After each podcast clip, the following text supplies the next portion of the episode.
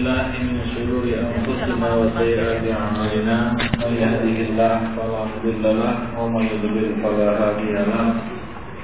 أشهد أن لا إله إلا الله وحده لا شريك له وأشهد أن محمدا عبده ورسوله. يا أيها الذين آمنوا اتقوا الله حق تقاته. ولا تموتن إلا وأنتم مسلمون. أما بعد فإن أحسن الكلام كلام الله وخير الهدي هدي محمد صلى الله عليه وسلم وشر الأمور محدثاتها وكل محدثة بدعة وكل بدعة ضلالة وكل ضلالة في النار. Ikhwani fi din azani Allah wa iyyakum Alhamdulillah malam ini kita akan meneruskan kajian kita. Insyaallah kita sudah membahas beberapa firqah yang menyimpang karena sikap gulu mereka. Di antaranya adalah Al-Batiniyah, Syiah, Al-Mu'tazilah, Asy'ariyah, Sufiyah dan satu kelompok yang belum kita bahas yaitu Al-Khawarij.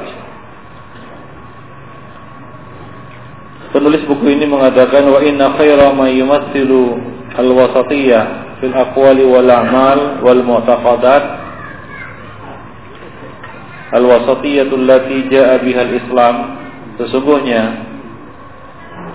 sebaik-baik yang mewujudkan sikap tengah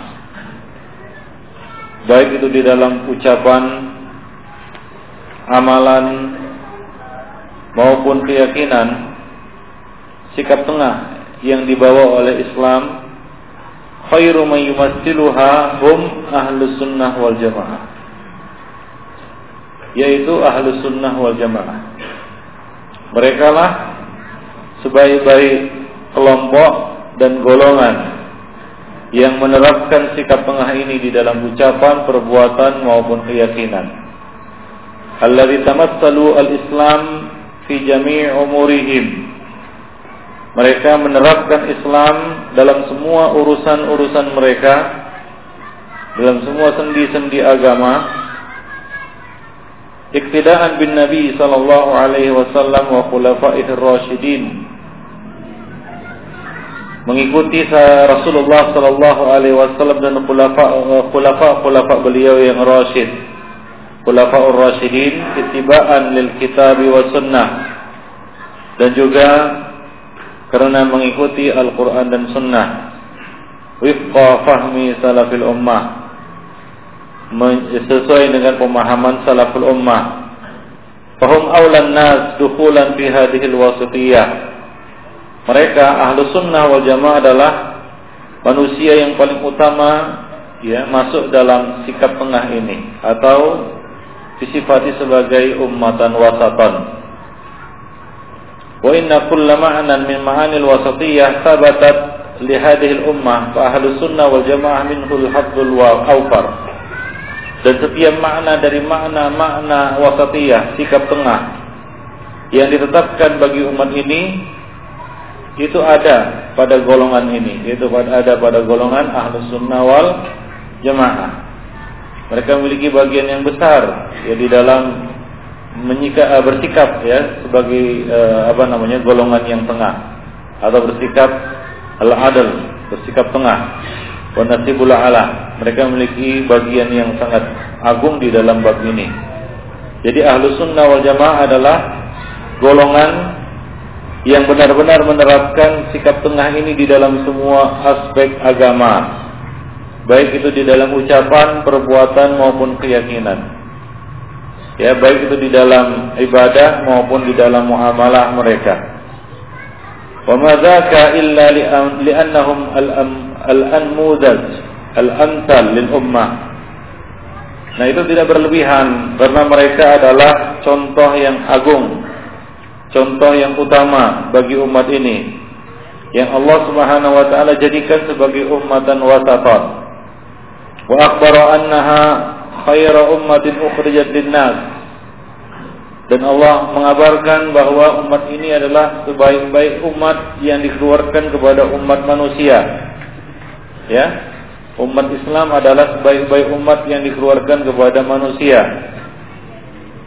Idhumut ta'ifah al-wahidah allati haqqaqat al-mutaba'ah al-mahdhah li kitabillahi wa sunnati rasulih sallallahu alaihi wasallam.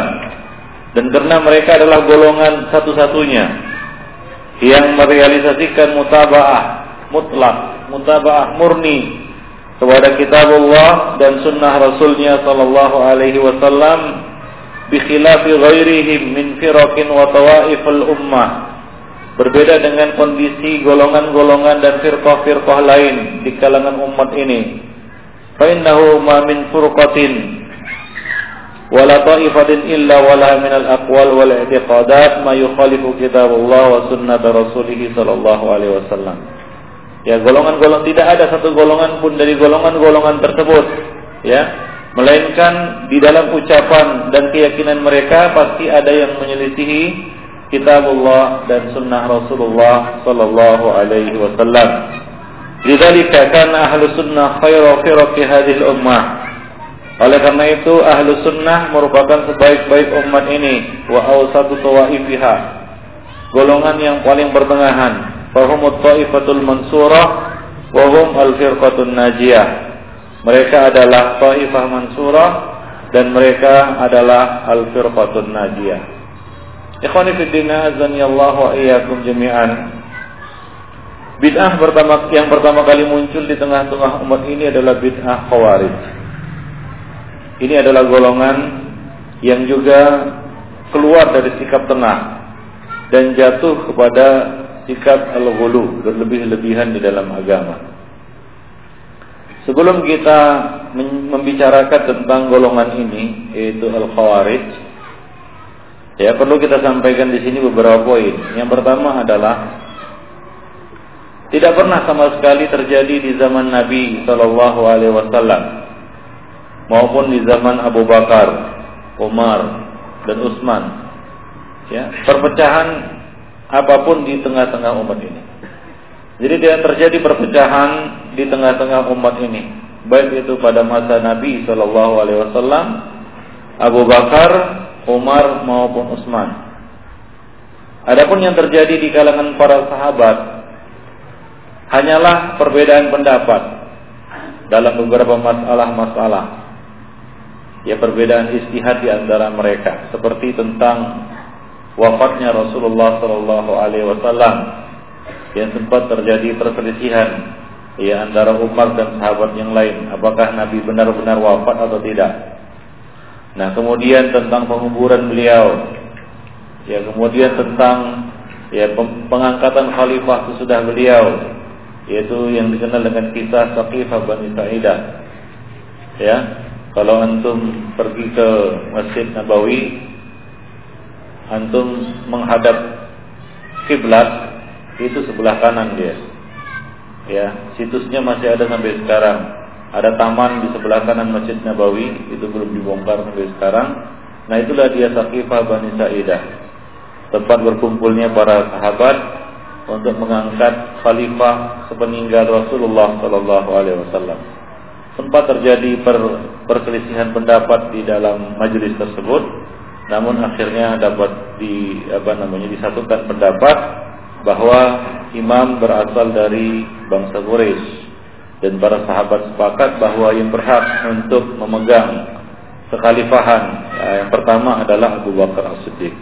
Sempat terjadi perselisihan pendapat di kalangan sahabat Demikian juga tentang memerangi orang murtad. Sempat terjadi perbedaan pendapat antara Abu Bakar dan dan Umar ya dan beberapa masalah-masalah lainnya ya nah namun perbedaan pendapat ini akhir, e, dapat diselesaikan pada akhirnya dan tidak menimbulkan perpecahan jadi itu perbedaan pendapat wajar ya Begitulah dia manusia, pasti berbeda pendapat. Ya, satu sama lainnya memiliki pendapat yang berbeda. Ya, tapi tidak menjurus kepada perpecahan. Ya, nah ini terjadi karena perbedaan perbedaan istihad di antara mereka. Yang benar dapat dua pahala, yang salah dapat satu pahala. Mereka saling menghormati satu sama lainnya. Meskipun perbedaan pendapat itu menjurus kepada perkara yang paling ya kita katakan paling e, buruk yaitu pertumpahan darah. Nah, tapi tidak berpecah karenanya. Itu yang pertama. Yang kedua, ikhwan fillah azan Allahu wa jami'an. Fitnah pertama yang berdampak pada perpecahan di tengah umat ini adalah fitnah terbunuhnya Utsman ya fitnah terbunuhnya Utsman. Benih-benih fitnah sebenarnya sudah mulai muncul semenjak eh, terbunuhnya khalifah yang kedua yaitu khalifah Umar bin uh, Umar bin Al-Khattab radhiyallahu anhu. Ya. Sebagaimana disebutkan dalam hadis Huzaifah bahwa pintu pintu penutup fitnah itu adalah Umar. Jika Umar wafat maka terbukalah pintu fitnah. Benih-benih penentangan kepada penguasa, kepada khalifah, ya kepada Khalifatul Rasyid yang ketiga yaitu Utsman bin Affan itu muncul ya sepeninggal ya Umar bin Khattab dan diangkatnya Utsman bin Affan radhiyallahu anhu. Ya. Jadi fitnah pertama yang berdampak kepada perpecahan di tengah umat ini adalah fitnah terbunuhnya Utsman di mana itu berujung ya dengan ya terbunuhnya khalifah yang mulia ini dan kemudian terjadinya pertikaian di antara kaum muslimin. Nah, mulailah terjadi perselisihan pendapat yang sangat tajam tentang siapakah yang lebih dulu diselesaikan. Apakah yang lebih dulu diselesaikan? Apakah pengangkatan khilafah, pengangkatan khalifah atau menuntut balas atau kisos terhadap para pembunuh Utsman. Nah, di sini terjadi perbedaan pendapat antara Ali bin Abi Thalib dengan dengan yang lainnya. Ya dengan para sahabat yang lainnya. Ya seperti Az-Zubair bin Awam, Talha bin Ubaidillah dan Aisyah radhiyallahu anha. Yang berujung kepada terjadi pecahnya perang Jamal. Ya, mulailah terjadi ya perpecahan apa namanya kita katakan perselisihan di antara uh, kita katakan umat yang menjurus kepada pertempuran dan di dalam hal ini ikhwan ya orang-orang yang condong kepada hawa nafsu ya saat terjadinya fitnah ini muncullah orang-orang yang condong kepada hawa nafsu yaitu khawarij dan syiah orang-orang munafikin yang mendompleng Artinya memanfaatkan per, perselisihan ini untuk memperkeruh suasana dan melemparkan fitnah di tengah-tengah kaum muslimin. Hingga akhirnya terbunuhlah dua sahabat yang mulia yaitu apa? Siapa? Zubair bin Awam dan Talha, Talha bin Ubaidillah. Semakin tajamlah perselisihan di antara mereka dan semakin keruhlah suasana dan semakin tidak terkendali konflik Azani Allah wa iyyakum. Namun demikian tidak terjadi perpecahan di, di antara para sahabat. Ya mereka tidak saling berpecah satu sama lainnya. Ya muncullah pada waktu itu orang-orang yang condong pada hawa nafsu, memisahkan diri dari kaum muslimin dan dan para pemimpin mereka. Ya, dengan akidah mereka, dengan prinsip-prinsip mereka dan mengangkat senjata melawan kaum muslimin, melawan pemerintahan yang sah melawan kekhalifahan yang sah pada waktu itu adalah Ali bin Abi Thalib radhiyallahu anhu. Maka memberontaklah Syiah dan Khawarij. Masing-masing keluar dari kekhalifahan yang sah yaitu Ali bin Abi Thalib radhiyallahu anhu. radhiyallahu anhu. Nah demikian ikhwan fillah, azani Allah wa iyyakum jami'an. Nah kemudian yang ketiga ikhwan fillah, firqah yang mula-mula muncul ini yaitu Khawarij kemudian disusul dengan Syiah ini terma ini merupakan bias dari pemberontakan terhadap Utsman yang dikomandoi oleh Sabaiyah Sabaiyah adalah pengikut Abdullah bin Sabah. Ya, dialah yang memprovokasi ya amir-amir di daerah untuk mengumpulkan massa memberontak kepada Utsman ibnu Affan. Isunya seputar kecurangan Utsman di dalam pemerintahan. Ya, isu KKN kan begitu ya. Isu banyak macam isu diangkat oleh mereka dan mereka menganggap bahwa Utsman telah keluar dari khitbah Utsman telah keluar dari jalur ya dari uh, dari nilai-nilai Islam. Maka inilah yang diangkat oleh Abdullah bin Sabah dan pengikutnya Sabaiyah untuk membangkitkan kemarahan, pemberontakan kepada khalifah yang ketiga ini yaitu Utsman bin Affan. Nah, kemudian yang keempat Ibn Fiddin, kesamaan ahlul ahwa kesamaan kemiripan ataupun eh, titik temu ya ahlul ahwa ahli bid'ah pada masa fitnah pada fitnah yang terjadi ini dan fitnah yang lainnya. Yaitu apa? Kesamaan mereka keluarnya mereka dari para pemimpin kaum muslimin dan jemaah kaum muslimin itu kesamaan. Baik syiah ya maupun khawarij sama-sama keluar dari apa? Dari kekhalifahan yang sah. Bahkan keluar dari kaum muslimin, menyempal dan membuat prinsip-prinsip agama sendiri dan membuat ya golongan sendiri dan memisahkan diri dari kaum muslimin, dan mengkafirkan orang-orang yang tidak bergabung bersama mereka. Nah, ini kesamaan apa namanya e, mereka, ya kesamaan ahli e, ahli bid'ah pada masa terjadinya fitnah.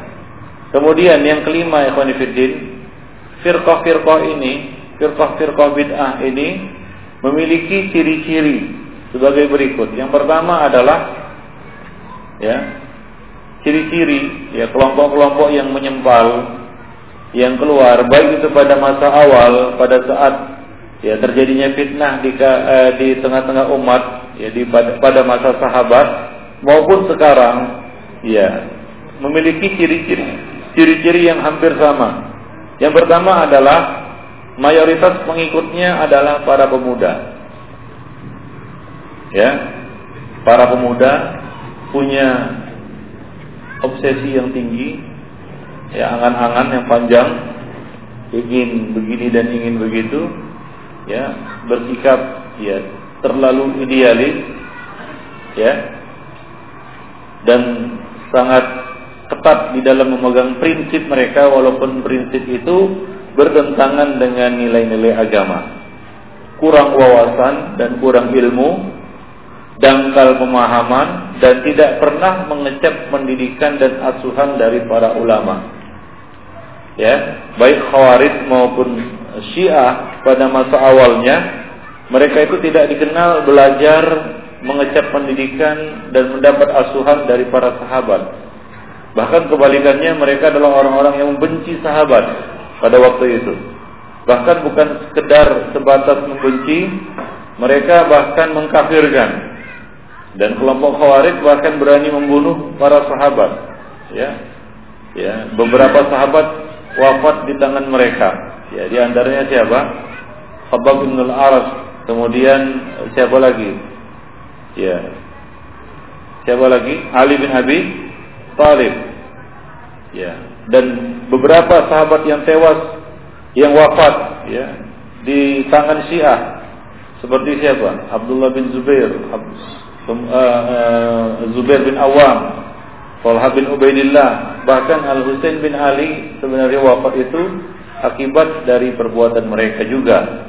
Ya, mereka lah yang membawa Husain bin Ali ya untuk menghadapi untuk masuk dalam kancah pertempuran yang tidak seimbang yang sama sekali ya apa namanya suatu kita katakan ke kekeliruan. Nah demikian atau kesalahan. Baik. Jadi itu yang pertama, mayoritas pengikutnya adalah para pemuda ya yang suka berangan-angan, ya tinggi obsesinya, nah kurang berilmu, kurang wawasannya, dangkal pemahamannya dan tidak pernah mengecap pendidikan dan asuhan dari para ulama yaitu dari para sahabat yaitu untuk bid'ah ahli bid'ah atau khawarij dan syiah golongan yang pertama itu tidak pernah mereka mengecap asuhan atau mengecap pendidikan dan mendapat asuhan dari para sahabat. Nah, kemudian yang kedua, kebanyakan dari mereka hanya mengandalkan semangat ya, semangat yang berkobar-kobar ya, tanpa dibarengi dengan ilmu ilmu dan pemahaman yang benar serta tidak memiliki pengalaman ya, tidak mau belajar tapi punya gairah yang berkobar-kobar. Nah, kadang-kadang syaitan menggelincirkan manusia dari semangat yang berkobar-kobar ini. Banyak orang yang punya semangat, ya, tapi sedikit orang yang punya ilmu. Nah, orang-orang yang punya semangat ini sangat mudah untuk ditunggangi oleh siapa saja yang mau menunggangi mereka. Ya.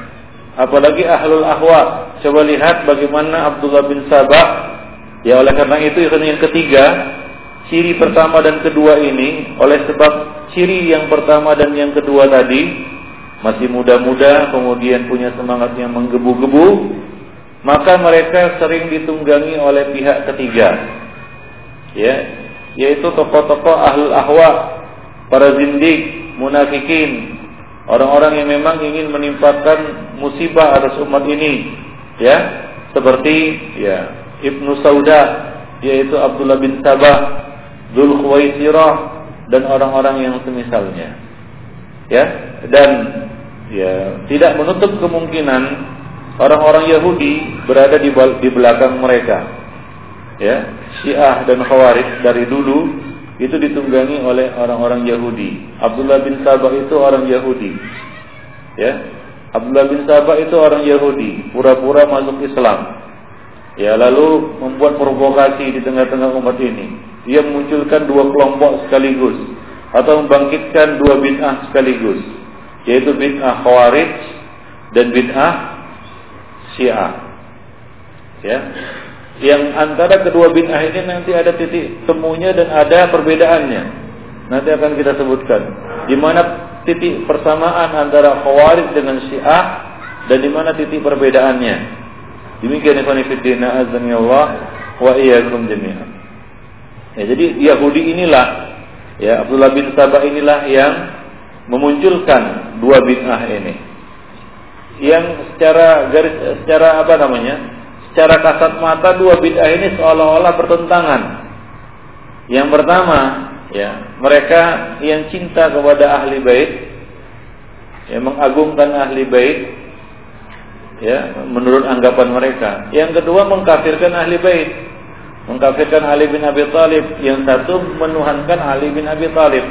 Coba lihat dua bid'ah ini diciptakan oleh orang yang sama, tapi hasilnya berbeda. Ini diadu dua dua kelompok ini. Ya, yang dan yang menjadi target siapa? Kaum mus kaum muslimin ikhwan fillah azani Allah wa iyyakum jadi memang sejak awal didesain untuk dijadikan sebagai kuda tunggangan sampai sekarang.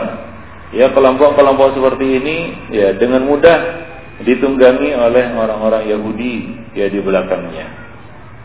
Kemudian yang keenam ikhwanifiddin baik Khawarij maupun Syiah tidak memiliki satu contoh dan panutan pun dari para sahabat dan imam kaum muslimin ya dari dulu sampai sekarang yang namanya dua kelompok ini Khawarij dan Syiah tidak punya salaf dari kalangan sahabat.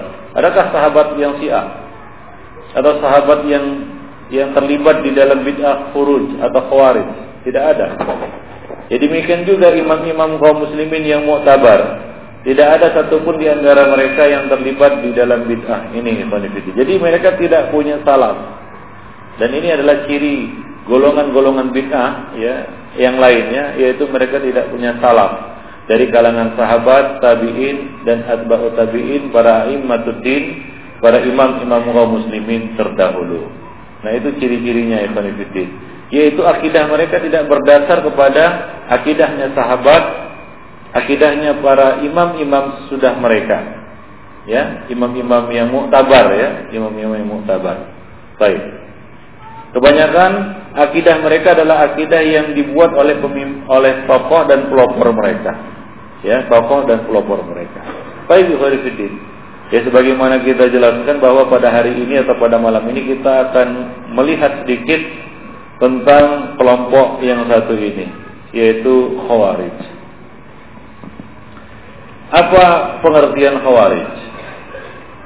Khawarij adalah pada awalnya Khawarij ini ditujukan kepada kelompok yang menganggap kafir pelaku maksiat atau dosa besar.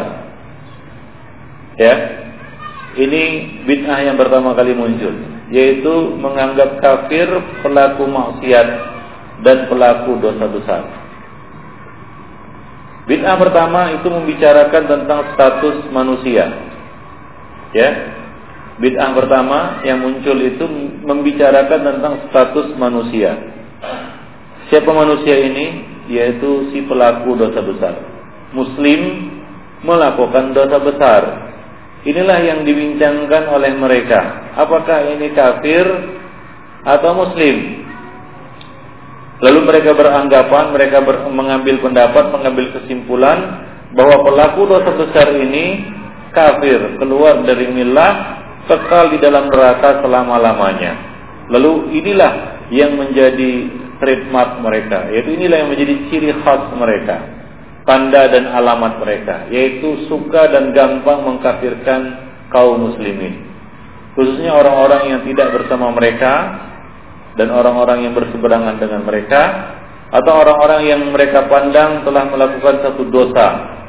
Ya, dan pada perkembangannya nanti bukan hanya dosa besar, ya seperti khawarij yang pertama, ya bahkan khawarij-khawarij yang berikutnya mereka mengkafirkan seorang muslim karena dosa kecil yang dilakukannya. Ya karena dosa kecil yang dilakukannya. Nah demikian yang fiddin azani Allah wa iyyakum jami'an. Nah itulah dia khawarij. Dan mereka keluar dari pemimpin dan jemaah kaum muslimin yaitu memberontak. Ini ciri kedua ya ciri khas mereka yang pertama mengkafirkan pelaku dosa besar dari kalangan kaum muslimin dan yang kedua adalah mereka memberontak keluar dari kepemimpinan dan jemaah kaum muslimin. Dua ciri ini yang yang kita katakan sental terlihat pada mereka. Kelompok khawarij mana pun melainkan ada pada mereka dua perkara ini. Dan ini adalah satu hal yang disepakati uh, oleh semua kelompok dan sekte khawarij. Pertama, pengkafiran eh, apa namanya pelaku dosa besar, yang kedua pemberontakan terhadap apa namanya pemimpin dan penguasa kaum muslimin. Yang mereka anggap tidak berhukum dengan hukum Allah Subhanahu wa taala. Syiar mereka ayat "Wa man lam yahkum bima anzalallah fa ulaika humul kafirun." Barang siapa yang tidak berhukum dengan hukum Allah, maka mereka adalah orang-orang yang kafir. Nah ini ayat mereka pahami sendiri. Lalu mereka mutlakkan hukumnya. Padahal Allah Subhanahu wa taala di dalam Al-Qur'an tidak memutlakkan hukumnya. Ya, ada tiga status. Faulaika humul kafirun, fasikun dan zalimun. Tapi bagi orang-orang khawarij cuma satu, mutlak yaitu kafirun dan tidak melihat ayat yang lain yang menyebutkan faulaika humul zalimun dan fa fasiqun. Nah ini kesalahan fatal mereka yang sempat ditentang oleh yang sempat dihujat ya didebat oleh Abdullah bin Abbas radhiyallahu anhu. Beliau beliau mengatakan laisal kufru kama tadhhabuna ilai. Bukan kekafiran seperti yang kalian pahami. Walakin kufrun duna kufri. Tapi maksudnya adalah kufur duna kufur. Itu kufur asghar, bukan kufur akbar. Ya, artinya tidak serta merta orang yang berhukum dengan selain hukum Allah dihukumi apa? Kafir. Nah ini dia. Inilah dia semboyan mereka. Syiar yang selalu mereka dengungkan ke mana-mana. Jadi kalau antum melihat satu kelompok yang keinginannya, hawanya itu ingin mengkafirkan kaum muslimin, atau yang kedua ingin memberontak dan keluar dari pemerintahan ataupun dari dari dari kaum muslimin ya menyempal dari kaum muslimin ketahuilah ini kelompok harus dicurigai memiliki akidah dan keyakinan khawarij dan mungkin juga ujung-ujungnya nanti kita akan digiring kepada keyakinan khawarij. Jadi kita harus mewaspadai kelompok-kelompok yang seperti ini. Demikian. Nanti ada turunan-turunannya. Konsekuensi-konsekuensi dari dua keyakinan ini. Yang pertama adalah penghalalan darah.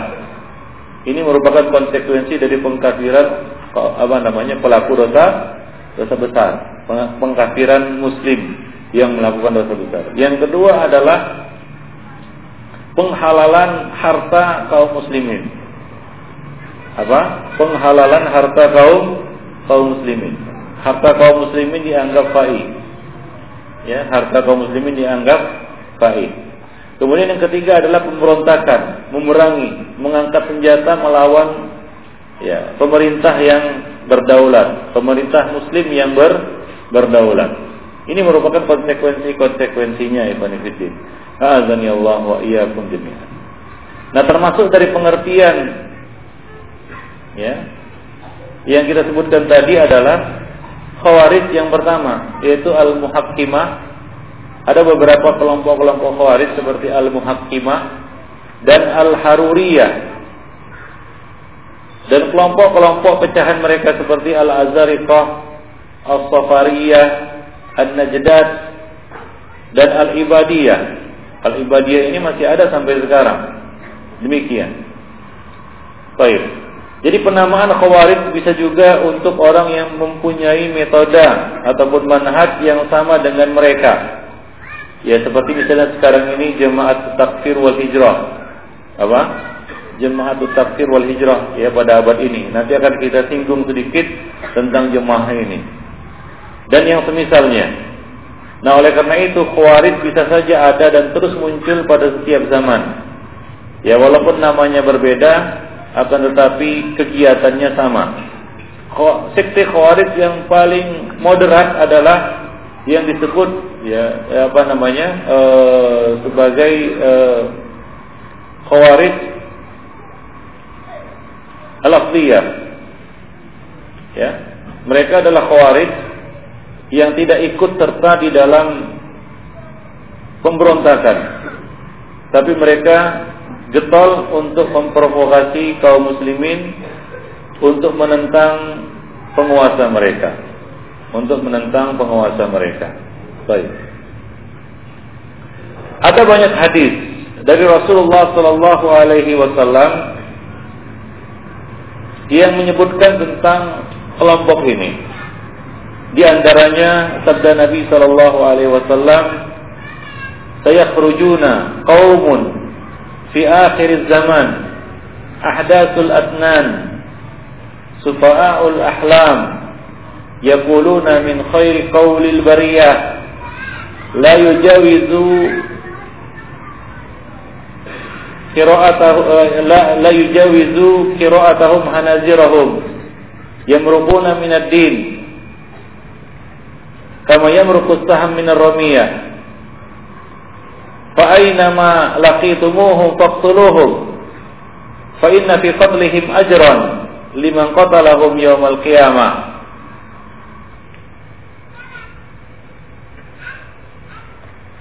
Nabi mengatakan pada akhir zaman nanti akan ada satu kaum yang berasal dari pemuda. Ya. Saya kerujuna kaumun fi akhir zaman. Akan keluar nanti satu kaum di akhir zaman. Ahdasul asnan. Ahdasul asnan maksudnya adalah masih muda-muda usianya. Sufahaul ahlam. Namun sufa safi. Ahlam paham ya buruk pemahamannya, dangkal pemahamannya. Artinya dangkal ilmunya, muda usianya dangkal ilmunya. Yaquluna min khairi qaulil bariyah. Mereka berdalil ataupun berkata dengan perkataan yang baik. Ya, perkataan yang baik yaitu apa? Mereka berdalil dengan Al-Qur'an. Mereka berdalil dengan kalam Allah bahkan dengan kalam Rasul sallallahu alaihi wasallam. Namun ya tidak perlu melewati ya bacaan itu ataupun perkataan itu tidak melewati kerongkongan mereka, artinya tidak mereka pahami. yaitu hanya sebatas ucapan saja. Tidak melewati kerongkongan artinya tidak masuk ke dalam hati. Artinya tidak mereka pahami. Mereka membaca Al-Qur'an sebagai dalil, membaca hadis-hadis Nabi sebagai dalil, tapi tidak melewati kerongkongan mereka. Ini adalah satu kinayah arti kiasan maksudnya mereka tidak memahaminya. Ya, mereka tidak memahaminya. Yang merukuna minad din. Mereka keluar dari agama ini, yaitu dari nilai-nilai agama ini, dari ajaran agama ini. Itu maksudnya. Yang merukuna minad din. Ya, kita tahu bahwasanya para sahabat tidaklah mengkafirkan secara mutlak kelompok khawarij ini. Ya, Sahabat tidak mengkafirkan dan para ulama juga tidak mengkafirkan kelompok khawarij ini secara mutlak. Ya. Bahkan mayoritas dari mereka itu tidak dikafirkan. Dan yang dimaksud dengan yang merukuna minad din, mereka keluar dari agama artinya mereka keluar dari ajaran-ajaran agama. Keluar dari sunnah Rasulullah sallallahu alaihi wasallam. Keluar dari akidah yang hak. Bagi, bagikan keluarnya mereka itu, bagikan keluarnya anak panah dari busurnya. Ya, keluarnya anak panah dari busurnya. Fa inna malakitumuhum faqtuluhum. Dan siapa saja yang bertemu dengan mereka maka perangilah mereka. Karena barang siapa yang memerangi mereka maka ia akan mendapatkan memperoleh pahala di hari kiamat nanti. Ya di sini Nabi Wasallam menganjurkan untuk memerangi kaum khawarij ini. Tentunya memerangi dengan senjata ini harus di bawah kepemimpinan seorang penguasa. Ia tidak boleh bertindak sendiri-sendiri. Ya angkat senjata kemudian memerangi kelompok yang ditengarai khawarij. Ini tidak boleh. Ya memerangi khawarij ini tidaklah mudah. Ikhwanifiddin azani Allah wa iyyakum jami'an. Dulu maupun sekarang Coba lihat bagaimana Ali bin Abi Thalib memeranginya. Tidak bisa diatasi oleh orang per orang. Fitnah khawarij ini tidak bisa diatasi oleh orang per orang, oleh individu-individu. Enggak bisa. Ini adalah fitnah yang besar. Ya, mereka adalah satu kelompok, mereka adalah satu golongan, memiliki keyakinan, memiliki akidah, memiliki manhaj, ya, dan memiliki prinsip-prinsip jadi tidak bisa dihadapi secara individu atau secara pribadi, ya, kecuali dengan kekuatan hujah ya, seperti yang dilakukan oleh Al Abdullah bin Abbas datang mendatangi mereka secara pribadi dan menghujah mereka. Ya, adapun dengan senjata ini tidak boleh dihadapi secara individu ataupun pribadi. Ya, tidak boleh kita mengangkat senjata sendiri untuk memerangi khawarij walaupun Nabi tadi mengatakan Ya, faktu fa'ina ma fa'ina ma laqitumuhum faqtuluhum. Di mana pun kamu bertemu mereka maka perangilah mereka. Memerangi mereka dengan senjata ini harus bersama siapa? Penguasa, pemimpin. Adapun memerangi mereka dengan hujah ini boleh dilakukan oleh siapa saja yang mampu untuk menegakkan hujah kepada mereka seperti yang dilakukan oleh Abdullah bin Abbas radhiyallahu anhu mendatangi mereka dan menghujah mereka, mematahkan hujah-hujah khawarij. Demikian Fiddin rahimani wa rahimakumullah jami'an. Syekhul Islam Ibn Taimiyah berkata tentang khawarij ini yaitu di dalam kitab beliau Majmu'ul Fatawa beliau mengatakan kaum khawarij ini adalah yang pertama mengkafirkan umat Islam dengan sebab dosa yang dilakukan Bahkan dengan sebab yang menurut mereka itu adalah merupakan satu dosa. Anggapan mereka itu adalah satu dosa. Yaitu seperti berhukum dengan selain hukum Allah, mereka ini terapkan kepada siapa saja.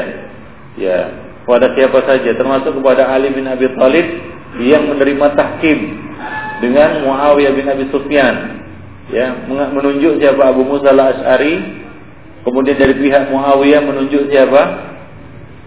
Amr bin As untuk menjadi hakim memutuskan perkara di antara mereka berdua.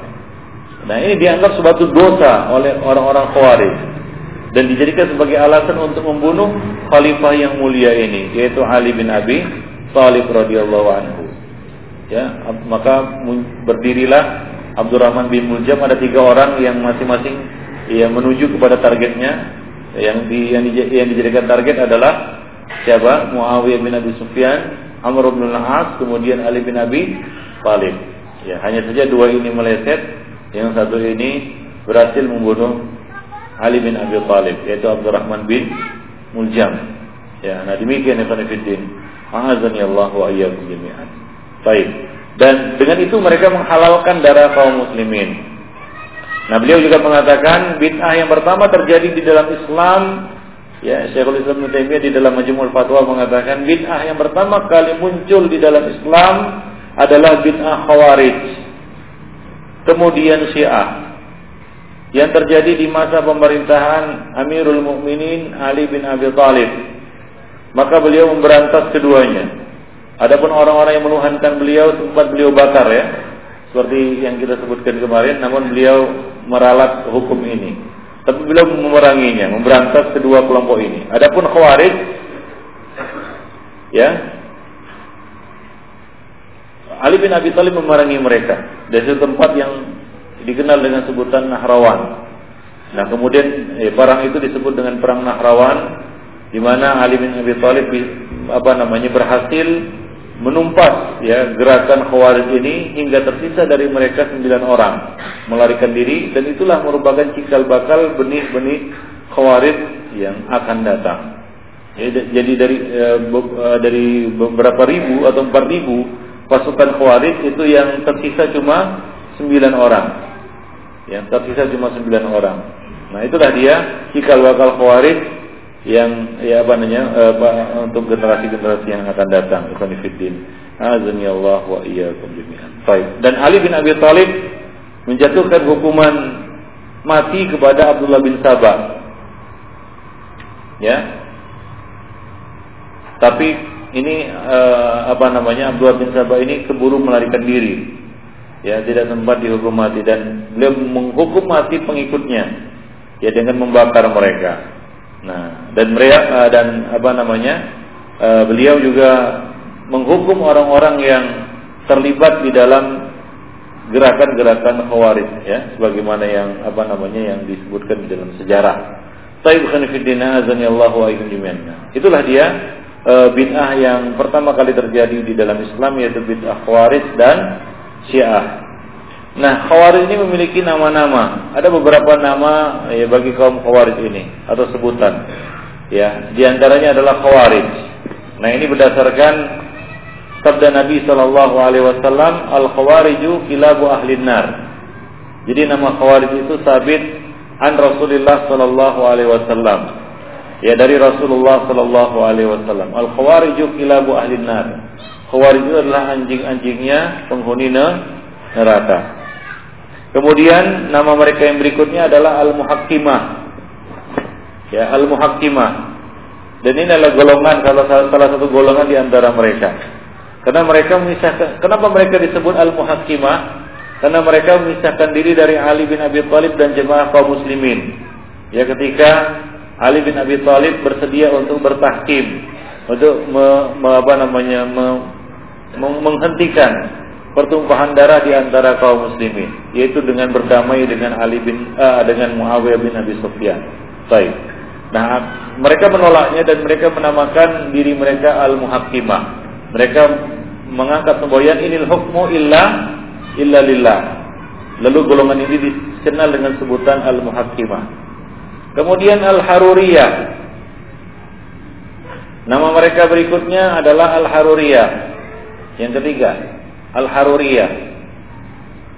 Mereka ini adalah orang-orang yang yang memberontak Ali bin Abi Thalib dan para sahabat. Mereka berkumpul di satu tempat yang bernama Harura. Harura ini adalah satu tempat yang uh, sekarang ini di wilayah Irak. Mereka berkumpul di sana dan mereka dikenal dengan sebutan ini, yaitu Haruriyin atau Haruriyah. Ya, sebutan penisbatan kepada tempat di mana mereka berkumpul. Nah kemudian mereka juga disebut ahlu nahrawan. Ahlu nah, nahrawan. Nahrawan adalah tempat di mana Ali bin Abi Thalib memerangi mereka. Lalu mereka dikenal dengan sebutan ahlu nahrawan. Itu orang-orang yang diperangi di Nahrawan. Nah, kemudian mereka juga menamakan diri mereka asyurat. Ya, diambil dari kata asyirat. Syurat yaitu orang-orang yang mengklaim mengorbankan diri untuk mencari ridha Allah Subhanahu wa taala dengan memerangi siapa saja yang mereka anggap kafir dan memerangi penguasa-penguasa kaum muslimin. Mereka menyebut diri mereka asyurat, yaitu orang-orang yang mengorbankan diri. Nah kemudian mereka juga disebut al-mariqah. Nah ini diambil dari hadis yang kita bacakan tadi, yang merukuna minad din. Mereka keluar dari ad-din. Mereka disebut al-mariqah. Dan Rasulullah Shallallahu Alaihi Wasallam menamakan mereka mariqah, yaitu orang-orang yang keluar lepas dari agama. Kemudian yang ketujuh, nama mereka selanjutnya adalah al-mukaffirah. Al-mukaffirah. Nama ini diambil dari sikap mereka yang gampang mengkafirkan orang lain. Siapa saja yang berseberangan dengan mereka dan tidak ikut dalam golongan mereka, maka golongan ini disebut al-mukaffirah. Ya, golongan sekarang ya nanti ada jemaatun takfir wal hijrah. Ya, dikenal dengan takfirnya. Ya dikenal dengan apa? Pengkafirannya. Kemudian yang kedelapan adalah as-sabaiyah nah mereka disebut sabaiyah karena mereka eh, muncul dari fitnah yang disulut oleh Abdullah bin Sabah al-Yahudi. Maka mereka pun disebut as-sabaiyah dan yang kesembilan mereka disebut juga an-nasibah. Kenapa disebut an-nasibah Nah, diambil dari kata nasoba, yaitu yang menancapkan permusuhan.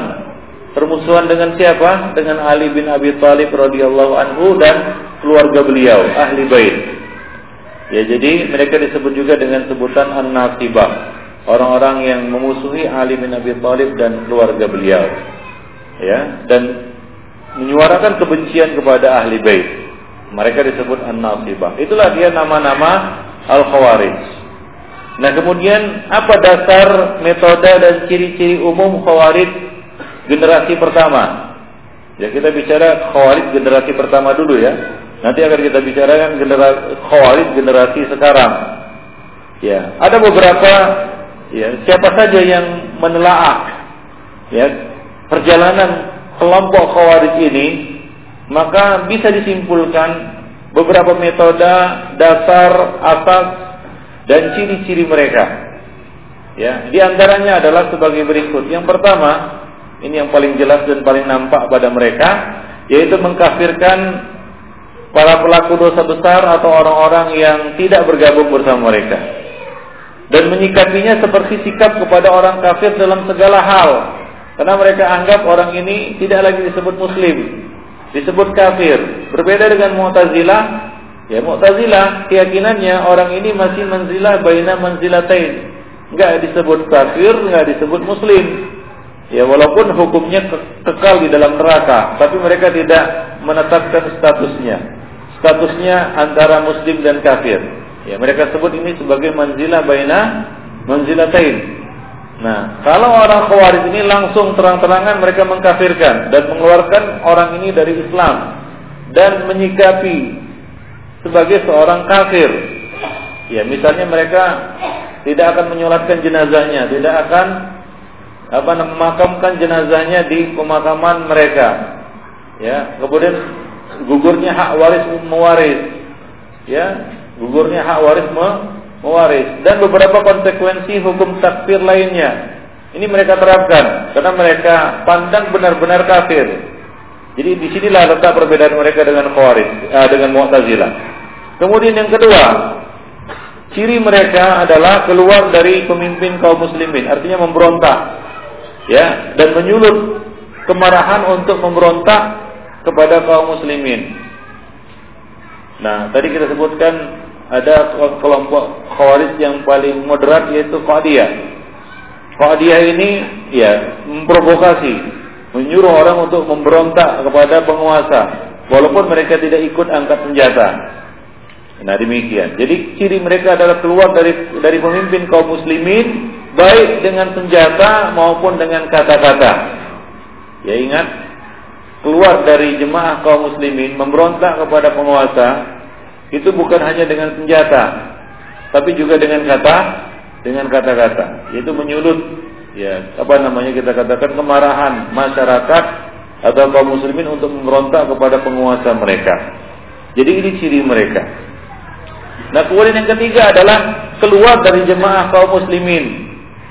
Keluar dari jemaah kaum muslimin, menyempal, eksklusif, memisahkan diri dari kaum muslimin. Mereka apa namanya e, semuanya serba terpisah dari kaum muslimin. Bahkan di antara kelompok ini ada yang menganggap najis ya orang-orang muslim yang mereka kafirkan tentunya. Ya maka bekasnya pun disab, di apa disamakan begitu dicuci. Ya tidak mau berjabat tangan karena mereka anggap najis dan seterusnya. Nah, baik. Nah, kemudian dari situ mereka pun menghalalkan darah, menghalalkan harta dan seterusnya. Kemudian yang keempat ciri mereka adalah memalingkan teks nas-nas amar ma'ruf nahi mungkar ya yang ada di dalam Al-Qur'an dan As-Sunnah kepada makna menentang para pemimpin dan memerangi kaum muslimin. Ya, mereka artikan amar ma'ruf nahi mungkar ini kepada apa pemberontakan. Dalam hal ini mereka sama. Ya, memiliki kemiripan dan titik temu dengan dengan apa? dengan prinsip Al-Mu'tazilah. Al-Mu'tazilah punya prinsip amar ma'ruf nahi mungkar. Artinya apa? Menurunkan penguasa yang mereka anggap punya kesalahan atau bersalah. Baik. Kemudian yang kelima, banyaknya para kori yang jahil di tengah-tengah mereka. Dan mayoritas mereka adalah orang-orang badui, orang-orang yang tidak berpendidikan, ya tidak berwawasan. Nah ini di, di apa namanya diisyaratkan oleh Nabi Shallallahu Alaihi Wasallam di dalam hadis beliau, hudasaul asnan sufahaul ahlam. Berasal dari apa namanya dari kalangan orang-orang yang masih muda usianya dan sufahaul ahlam, yaitu bodoh ya akalnya, ya artinya tidak memiliki ilmu, ya, tidak memiliki pemahaman yang lurus. Ya, jadi mereka berasal dari apa? dari orang-orang yang muda usianya ya kebanyakan dari mereka itu adalah orang-orang yang muda usianya punya punya semangat. Punya semangat juang punya semangat ibadah yang tinggi. Hingga sahabat ya, para sahabat Nabi Shallallahu Alaihi Wasallam itu merasa ibadah mereka tidak ada apa-apanya dibandingkan dengan ibadah khawarij. Puasa mereka tidak ada apa-apanya dibandingkan dengan puasa kaum khawarij.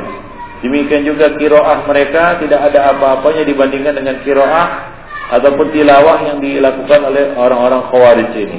Tapi mereka bodoh. Mereka tidak memahami apa yang mereka baca. Ya mereka tidak memiliki ilmu. Demikian Ibn Fiddina azani Allah wa iyyakum jami'an. Baik. Kemudian yang keenam ciri mereka adalah mereka terlihat seperti orang soleh dan tekun tekun beribadah Ya, dan ini nyata, artinya mereka memang benar-benar tekun. Ya bukan seperti orang-orang sufi yang kelihatannya tekun tapi sebenarnya tidak tekun. Ya cuma sementara waktu saja. Ya kalau sudah sampai kepada hakikat, ya nggak sholat, nggak puasa, nggak nggak apa-apa lagi. Nah berbeda dengan khawarij, khawarij mereka terlihat ya seperti orang yang soleh dan tekun dalam ibadah baik itu sholat, puasa maupun yang lainnya. Hingga ini nampak pada sifat fisik mereka, yaitu apa? Dahi mereka kapalan, yaitu bekas sujud yang apa namanya yang nyata pada mereka. Ya kemudian apa? Tangan-tangan mereka juga kapalan, lutut mereka kapalan karena terlalu sering ya sholat, banyak sholat mereka, banyak ibadahnya. Ya, mereka juga sederhana dalam berpakaian, artinya pakaiannya compang-camping. Mereka tidak perhatikan, menampakkan zuhud terhadap dunia. Cekung wajah mereka karena sering bergadang pada malam hari untuk ibadah. Itu khawarij. Ya mereka begadang malam hari tidak tidur. Jadi coba lihat, baik itu sufi maupun khawarij, ini ada kemiripan, yaitu menyiksa diri dengan ibadah. Tapi ibadah yang tidak, yang tanpa pola, ya, yang serabutan kalau kita katakan seperti serabutan, modal semangat.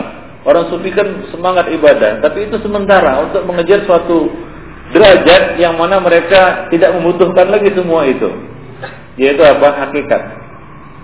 Awal-awalnya memang semangat puasa, sholat kan begitu ya. Wah, anjur-anjuran itu. Untuk untuk sampai kepada satu tingkatan di mana mereka nggak sholat, nggak puasa, nggak apa-apa lagi. Kenapa? Setan membisikkan dia sudah sampai kepada derajat hakikat. Demikian pula khawarij ini khonifiddina azani Allah wa jami'an. Ya. Mereka punya semangat di dalam ibadah, salat, puasa, ya, dan qiraah, tilawatul Quran. Bahkan mereka bergadang untuk itu. Ya, bergadang untuk itu, untuk mengerjakan salat. Ya.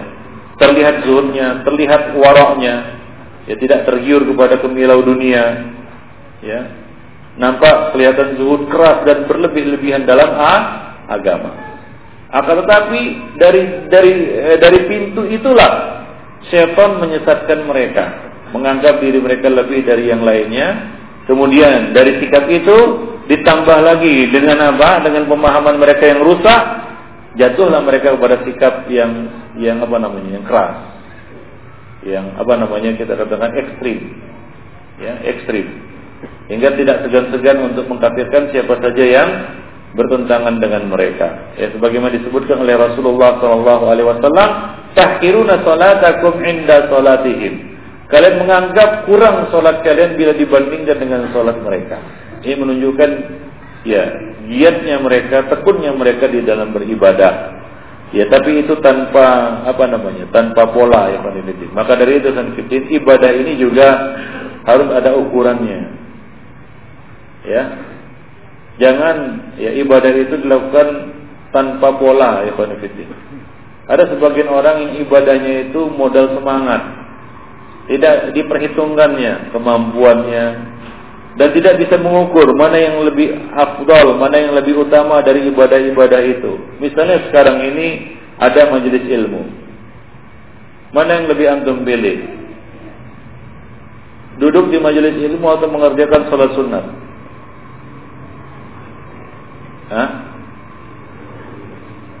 Ya, duduk di majelis ilmu apa mengerjakan salat sunat? Duduk di majelis ilmu. Apa kata Imam Syafi'i? Ya.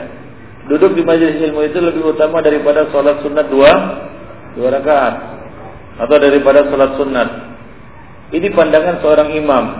Kenapa? Karena dengan ilmu ini ibadah-ibadah yang banyak itu bisa lurus. Ya, banyak perkara yang diluruskan dengan ilmu.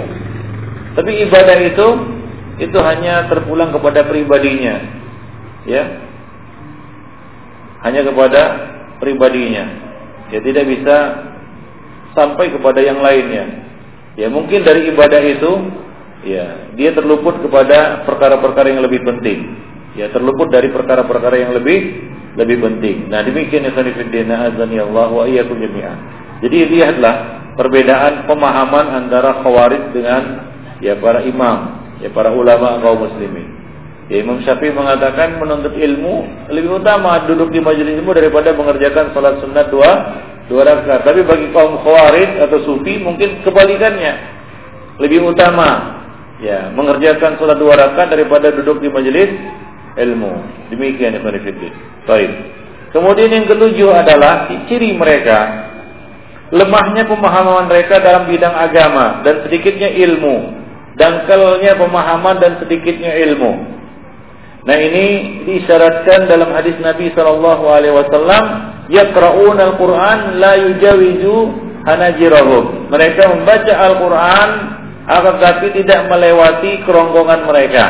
Maksudnya adalah apa maksudnya membaca Al-Quran tapi tidak melewati kerongkongan? Mereka membacanya di lisan, tapi tidak sampai ke dalam hati mereka. Artinya tidak tidak bisa tidak memahaminya.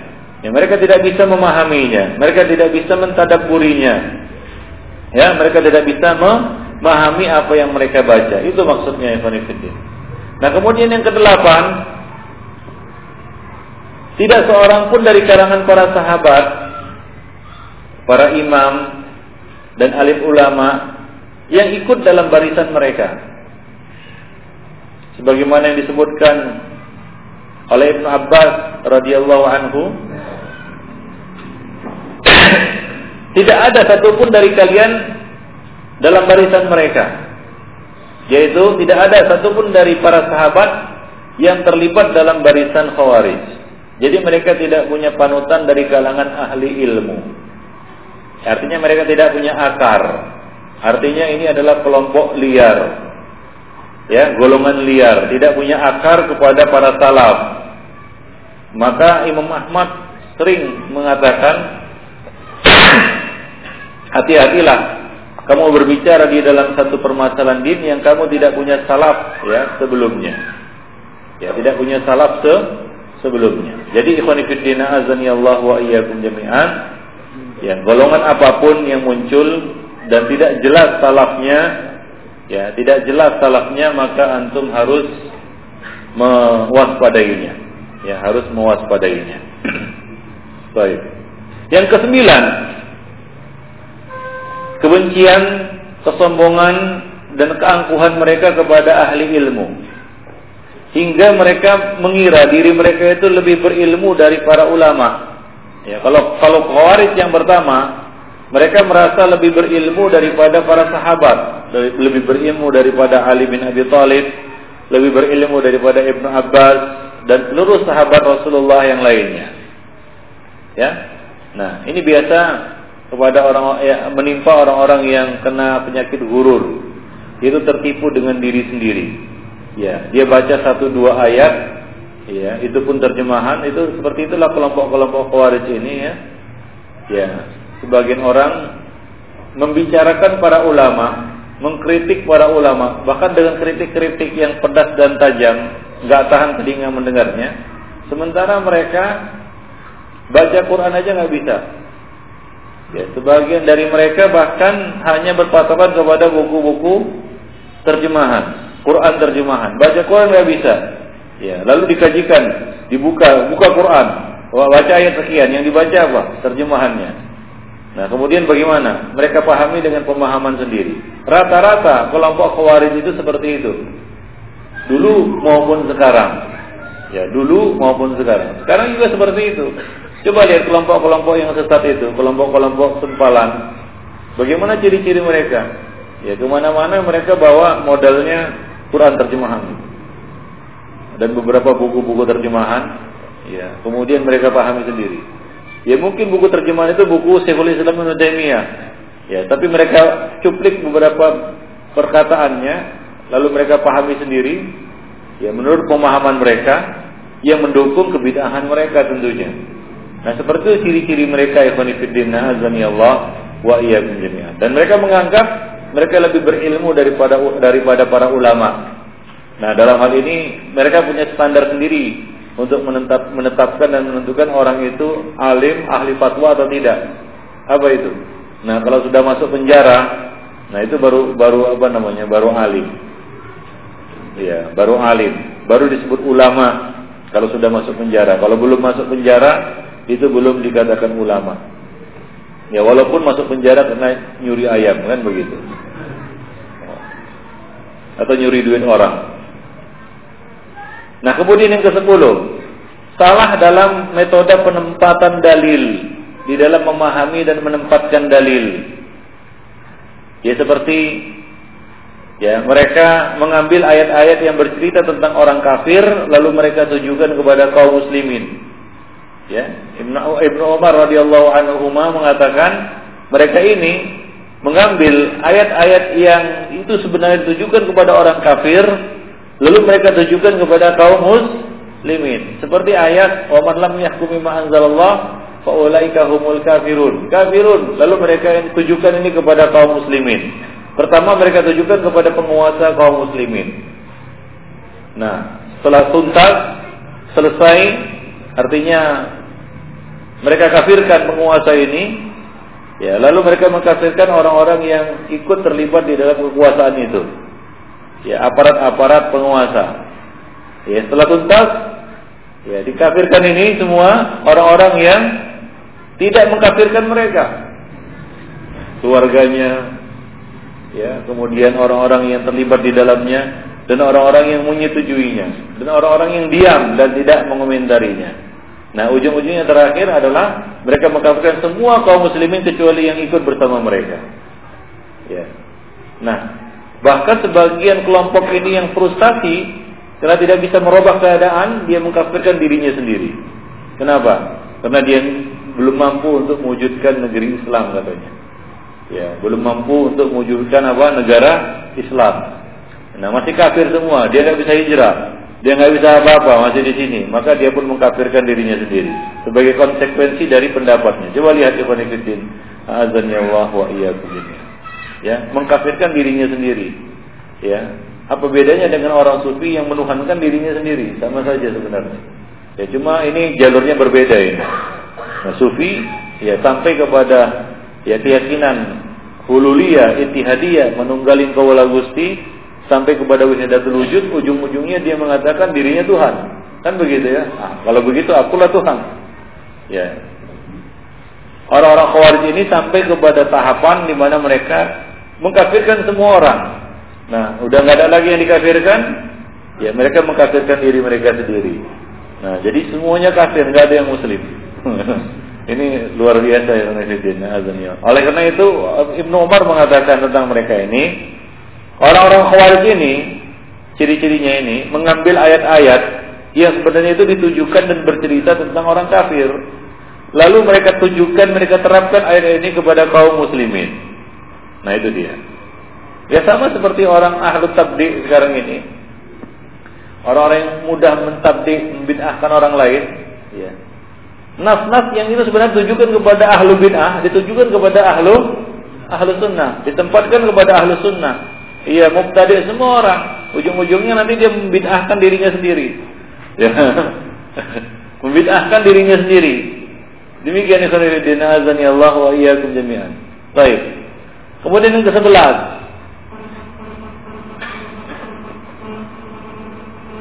Mereka jahil terhadap sunnah.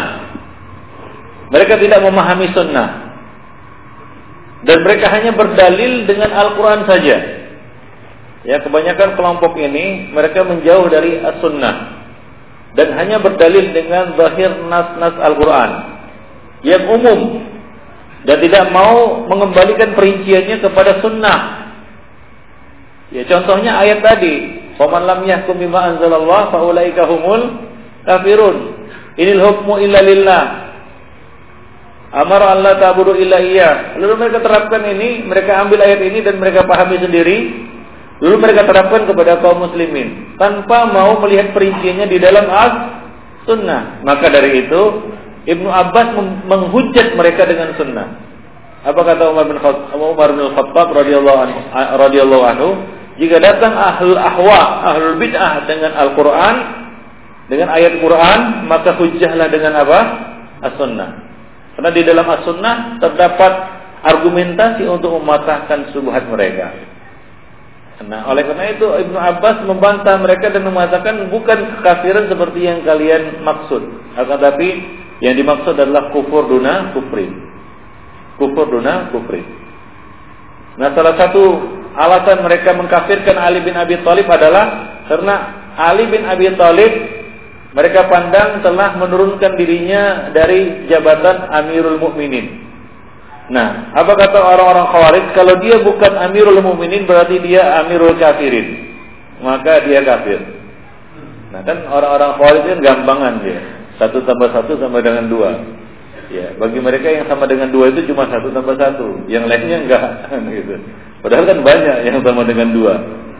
Nah, bagi orang Khawarij tidak.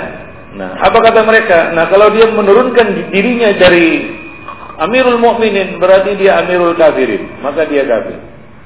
Karena Ali bin Abi Thalib melepaskan jabatannya kan begitu ya ketika ikut tahkim. Ya kan masing-masing melepaskan jabatannya. Muawiyah melepaskan jabatannya, Ali bin Abi Thalib juga melepaskan jabatannya. Nah, bagi orang-orang Khawarij ini melepaskan jabatan berarti dia telah mengkafirkan dirinya sendiri bagi orang Khawarij. Maka mereka mengatakan ya kalau dia bukan Amirul Mukminin berarti Amirul Kafirin. Nah, maka dia kafir. Baik. Maka ini dihujah oleh Ibnu Abbas radhiyallahu anhu dengan sunnah. Ya, apa kata Ibnu Abbas ya. Tahukah kalian bahwasanya pada perjanjian Hudaybiyah Rasulullah Shallallahu alaihi wasallam Ibnu Abbas, Ibnu Abbas mengatakan seperti ini. Manakah yang lebih utama, Ali atau Rasulullah? Mereka menjawab tentunya Rasul Rasulullah. Nah, Rasulullah Wasallam pada perjanjian Hudaybiyah menuliskan di atas kertas perjanjian, tulis Hai Ali, ini adalah perjanjian yang dibuat oleh Muhammad bin uh, Muhammad Rasulullah kepada orang-orang musyrik. Begitu bunyinya. Tapi orang musyrik memprotes. Mereka mengatakan, kalaulah kami tahu engkau Rasulullah, kami tidak akan memerangimu. Tapi tulislah Muhammad bin Abdullah. Maka apa kata Rasulullah? Wahai Ali, hapus itu Rasulullah, ganti dengan Muhammad bin Abdullah. Jadi Nabi menurunkan ya statusnya dari apa? Rasulullah kepada ya manusia biasa Muhammad yang bernama Muhammad bin Abdullah. Nah, apakah ini berarti Nabi kafir karena melepaskan jabatannya sebagai seorang nabi?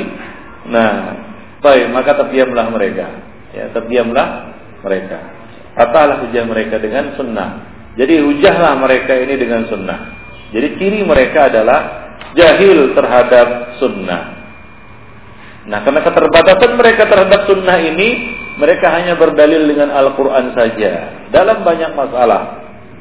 Baik. Kemudian yang kedua belas ciri mereka adalah cepat cepat berubahnya dalam pemikiran dan pendapat yaitu cepat mereka berubah dari satu pendapat kepada pendapat yang lain. Dan banyaknya terjadi pertengkaran di antara mereka dan perpecahan.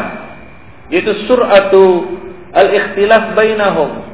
Cepatnya mereka sendiri berpecah belah. Ini ciri khawarij. Hingga khawarij ini punya banyak sekte.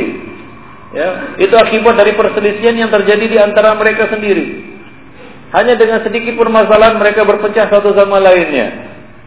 Nah itu ciri dari kelompok ini. Nah kemudian yang ketiga belas adalah tergesa-gesa dalam menghukum dan menentukan sikap pada orang yang berbeda dengan mereka tanpa ada klarifikasi terlebih dahulu.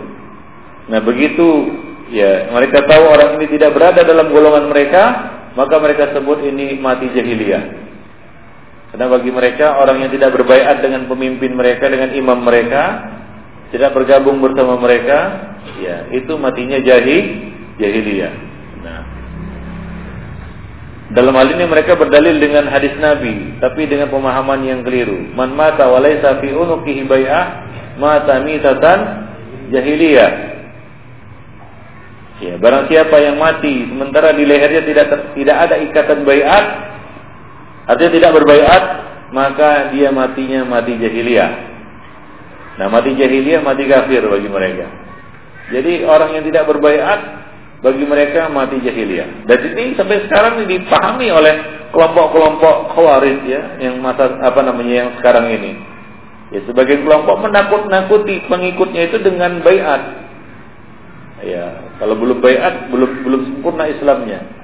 Kalau mati mati jahiliyah kan begitu ya. Nah, demikian. Mati mati jahiliyah.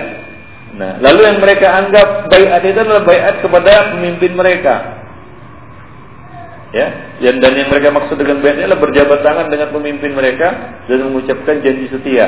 Nah itulah dia bayat. Ya ini adalah bayat bid'ah. Ya bayat yang bid'ah. Nah itulah yang mereka amalkan untuk apa? Untuk mengikat pengikut-pengikut mereka. Jadi mereka tergesa-gesa dalam menghukum dan menentukan sikap kepada orang-orang yang berbeda dengan mereka. Jadi bayat yang syar'i bukan seperti itu Baik yang syar'i hanyalah ditujukan kepada penguasa muslim yang sah. Baik itu langsung maupun dengan perwakilan. Ya, karena tidak mungkin setiap orang di sini membaiat pemimpin. Ya. Tangan pemimpin itu membaiat setiap orang berapa 250 juta gitu. Pegel dia. Jadi cukup perwakilan. Nah itu kita sudah membaiat sebenarnya, sudah berbaiat untuk setia, tidak memberontak kepadanya. Ya, Nah, sebenarnya orang-orang Khawarij itulah yang menyempal, yang keluar dari bayat dan mereka lah yang matinya jah, jahiliyah. Dan lucunya di sini mereka menuduh orang-orang yang tidak bergabung bersama mereka dan tidak ikut berbayat dengan imam mereka sebagai orang yang matinya jah jahiliyah. Coba lihat bagaimana setan ya meng, apa namanya mengobok-obok mereka hingga mereka melihat yang hak itu batil, yang batil itu hak. Kemudian yang keempat belas, ciri mereka adalah mereka menghukumi hati manusia dan menghukum dengan perkiraan serta syak wasangka. Jadi bagi mereka tidak cukup dengan zahir. Ya, hukum hukum di dunia ini berdasarkan zahir. Maka dari itu Nabi mengecam Usama bin Zaid ketika membunuh seseorang yang sudah mengucapkan La ilaha illallah. Usama bin Zaid coba berkelit dan mengatakan ya Rasul dia mengucapkannya setelah dia terpojok dan setelah dia membunuh banyak kaum muslimin. Tapi Nabi tetap mengatakan kepadanya, "Kaifa bika bila ilaha illallah yaumil qiyamah?" Bagaimana kamu menghadapi kalimat la ilaha illallah pada hari kiamat? Jadi tidak ada alasan untuk dibunuh. Nah, bagi orang-orang Khawarij mereka bisa dan boleh menghukumi hati manusia dengan perkiraan saja, dengan don, ya, menghukumi hati manusia menghukumi batin manusia. Itulah dia sulut takfir. Ya mereka katakan ini penguasa sudah menghalalkan menghalalkan apa yang haram, mengharamkan yang halal. Mengharamkan yang halal dan menghalalkan yang haram penguasa ini. Karena dia membolehkan ini dan ini dan ini. Dari mana kamu tahu? Iya, itu berarti hatinya telah meyakini kehalalan perkara yang haram itu. Demikian kata mereka. Jadi mereka mengkafirkan dengan apa? Dengan ban. Ya, menghukumi hati manusia. Ya. Apa kata Nabi? Apakah engkau telah mem membedah hatinya hingga engkau tahu bahwa dia dia itu berpura-pura mengatakan la ilaha illallah asyaqaita qalbahu apakah engkau telah membedah hatinya jadi kita diperintahkan oleh Nabi sallallahu alaihi wasallam untuk menghukumi manusia berdasarkan zahir batinnya itu diserahkan kepada Allah Subhanahu wa taala. Jadi hati-hati. Jangan menghukum manusia berdasarkan apa? Dan ya, berdasarkan apa perkiraan apa yang ada di dalam hatinya. Siapa tahu yang ada dalam hati manusia? Baik. Jadi ini merupakan konsekuensi dari sikap tergesa-gesa mereka di dalam menghukum. Mereka bahkan menjatuhkan hukum berdasarkan batin yang apa menghukumi hati manusia. Yang kelima belas, ini ciri-ciri ya, watak mereka yang kasar dan keras dalam berhukum dan bermuamalah di dalam berdebat dan berjidat. Yaitu mereka memiliki akhlak yang buruk di dalam bermuamalah dengan orang-orang yang berseberangan dengan mereka. Ya, kasar di dalam bermuamalah. Ya, dalam hal ini tanpa pandang bulu ya kepada para sahabat kalau generasi Khawarij generasi pertama mereka bahkan berkata keras dan kasar terhadap para sahabat. Nah, ketika uh, Abdullah bin Abbas datang dengan pakaian yang bagus, ya pakaian yang pakaian yang mengkilap, yang rapi, dan sengaja Abdullah bin Abbas datang dengan pakaian seperti itu. Maka mereka mengatakan, coba lihat, apakah seperti ini potongannya sahabat Nabi? Maksudnya untuk meng mengolok. Dan sementara mereka dengan pakaian yang apa, zuhud lah, kelihatan zuhud. Nah sengaja Ibnu Abbas memakai pakaian ter tersebut untuk memberikan pelajaran kepada mereka. Ya, yang namanya zuhud itu bukan ya apa namanya membuat diri prihatin seperti itu, tidak. Baik. Tapi zuhud itu adalah zuhud terhadap apa? Uh, perkara yang haram, ya, yang diharamkan oleh Allah Subhanahu Wa Taala.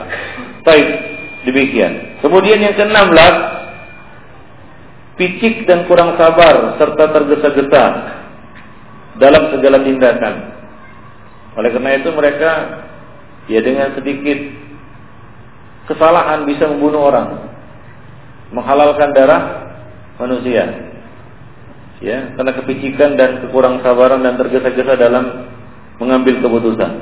Nah, ini ciri dari khawarij. Kemudian yang ke-17 mereka memusuhi dan memerangi kaum muslimin dan membiarkan orang kafir sebagaimana yang disebutkan di dalam hadis yaqtuluna ahlal islam wa yad'una ahlal awtan mereka memusuhi memerangi kaum muslimin dan membiarkan orang-orang orang-orang kafir atau penyembah berhala. Demikian ikhwan fillah azani Allah wa iyyakum jami'an.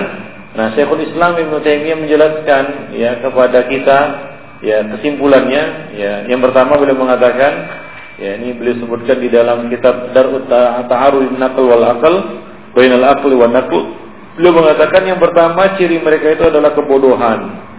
Ibnu Taimiyah mengatakan mereka ini adalah orang-orang yang bodoh atau jahil yang memisahkan diri dari ahlu sunnah karena kebodohan mereka. Jadi jahil. Kebanyakan orang-orang terjebak dan jatuh dalam kelompok-kelompok khawarij ini atau seperti khawarij ini disebabkan karena kejahilan mereka terhadap sunnah. Hingga mereka memisahkan diri dari ahlu sunnah. Jadi kebodohan merupakan musuh yang terbesar bagi umat manusia. Yang kedua adalah anggapan mereka bahwa ulama dan kaum muslim ini sesat seluruhnya. Ibnu Taimiyah mengatakan ya, ketika menyebutkan sifat-sifat khawarij, atas kesalahan dan e, keyakinan orang-orang khawarij ini adalah mereka menganggap para ulama dan kaum muslimin adalah ulama yang menyimpang dan melenceng dari kebenaran. Mereka sebut sebagai ulama dunia, ulama su, ya ulama mereka ulama mereka pandang sebagai ulama su maka dikatakan tadi dalam timbangan orang-orang khawarij yang dikatakan ulama itu bukan orang yang berilmu tapi orang yang sudah pernah masuk penjara. Ya walaupun nggak pernah belajar agama. Ya kan kebanyakan orang-orang yang dianggap sebagai tokoh di kalangan orang-orang khawarij ini itu orang-orang yang sudah masuk penjara sudah mengecap penjara. Ya mungkin karena menentang penguasa kan begitu ya, mengata-ngatai penguasa, ya pantaslah di penjara mengata-ngatai orang kan begitu ya. Lalu di penjara jadilah dia ulama, walaupun dia sama sekali nggak pernah belajar agama. Azan ya Allah wa iyyakum jami'an. Baik. Kemudian menyempalnya mereka dari jemaah kaum muslimin. Ya, menyempalnya mereka dari jemaah yaitu mengambil sikap hidup yang eksklusif memisahkan diri dari kaum muslimin tidak mau bergaul, tidak mau berbaur dengan kaum muslimin. Ya, tidak mau berbaur dan tidak mau bergaul dengan kaum muslimin. Nah, ini ciri-ciri mereka ya konfidin. Akibatnya bagaimana? Timbullah kepicikan seperti kata dalam tem tempurung dan mencurigai orang-orang yang berada di luar mereka. Ya mencurigai orang-orang yang ada di luar mereka. Hingga kadang-kadang muncullah ya GR, ya gede rasa kan begitu ya merasa ya dia dimusuhi oleh orang banyak padahal orang orang-orang pun nggak peduli dengan dia tapi seperti itulah dia kelompok ini mereka mengambil sikap hidup yang eksklusif menyempal dan keluar dari jemaah kaum muslimin baik itu di dalam bab muamalah mereka maupun ibadah mereka mereka nggak mau lagi sholat bersama kaum muslimin karena dianggap sholatnya tidak sah mereka anggap sholat sholat kaum muslimin ini tidak sah demikian ikhwan rahimani wa rahimakumullah. Baik. Nah, kemudian berikutnya ikhwan fillah Khawarij ini akan terus ada sampai akhir zaman. Ya, akan terus ada sampai akhir zaman. Ya, setelah Rasulullah wasallam menyebutkan beberapa hadis ya, eh, setelah ya kita katakan Rasulullah Wasallam menyebutkan beberapa hadis tentang khawarij. Beliau mengatakan, ia kerujun, saya kerujun akan muncul. Ini menunjukkan masa yang akan akan datang.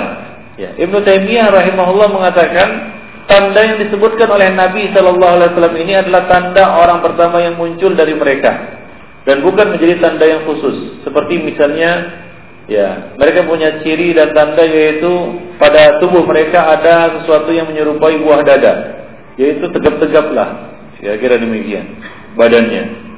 Menonjol-menonjol opotnya sehingga seperti buah buah dada, artinya gede-gede begitulah. Ya, artinya mereka orang-orang yang ulet begitu. Nah, jadi ini adalah uh, tanda bukan tanda uh, kita katakan tanda ini ya bisa saja muncul pada ya, kita katakan kelompok-kelompok khawarij yang akan datang. Jadi khawarij ini akan terus ada sampai akhir zaman. Ya, Ibnu Taimiyah mengatakan tanda yang disebutkan oleh Nabi Shallallahu Alaihi Wasallam tadi adalah tanda orang yang pertama muncul dari mereka, bukan menjadi tanda khusus pada seluruh mereka. Mungkin tidak semua khawarij punya tanda-tanda seperti ini. Ya, tapi ini adalah tanda orang yang pertama kali muncul dari mereka. Nah, telah sebutkan juga dalam riwayat yang lain bahwa mereka senantiasa ada sampai munculnya Dajjal. Dan kaum muslimin sepakat bahwa Khawarij tidak hanya ada pada pasukan yang diperangi oleh Ali saja. Artinya mereka akan terus muncul pada di tengah-tengah umat ini. Nabi mengatakan saya keruju Nabi hadil ummah akan muncul di tengah-tengah umat ini. Dan Nabi SAW telah mengatakan dalam hadis yang lain bahwa mereka nanti akan hatta yuqatil akhirumud dajjal hingga ya kelompok yang terakhir dari mereka yaitu dari khawarij akan berperang bersama apa? Ad-Dajjal. Akan berperang bersama Dajjal. Yaitu berada di dalam barisan Ad-Dajjal. Nah, bagaimana itu bisa terjadi? Bagaimana kelompok Khawarij ini bisa bergabung bersama Ad-Dajjal? Nah, itu tidak heran ya Konfidin. Ya. Semenjak dahulu mereka juga bergabung dengan musuh-musuh kaum muslimin untuk memerangi kaum muslimin. Baik. Nah, nah mungkin sampai di sini dulu ya, sudah jam 10. Nanti akan kita lanjutkan dengan apa namanya menyebutkan tentang bentuk khawarij pada masa sekarang ini ya, yaitu jemaatut takfir wal wal hijrah. Jemaatut takfir wal hijrah. Ini merupakan bukti bahwa khawarij itu terus ada sampai sekarang dan memiliki ciri-ciri yang sama yaitu di dalam pemikiran dan baik itu ciri-ciri e, sifat dan fisik mereka. Baik.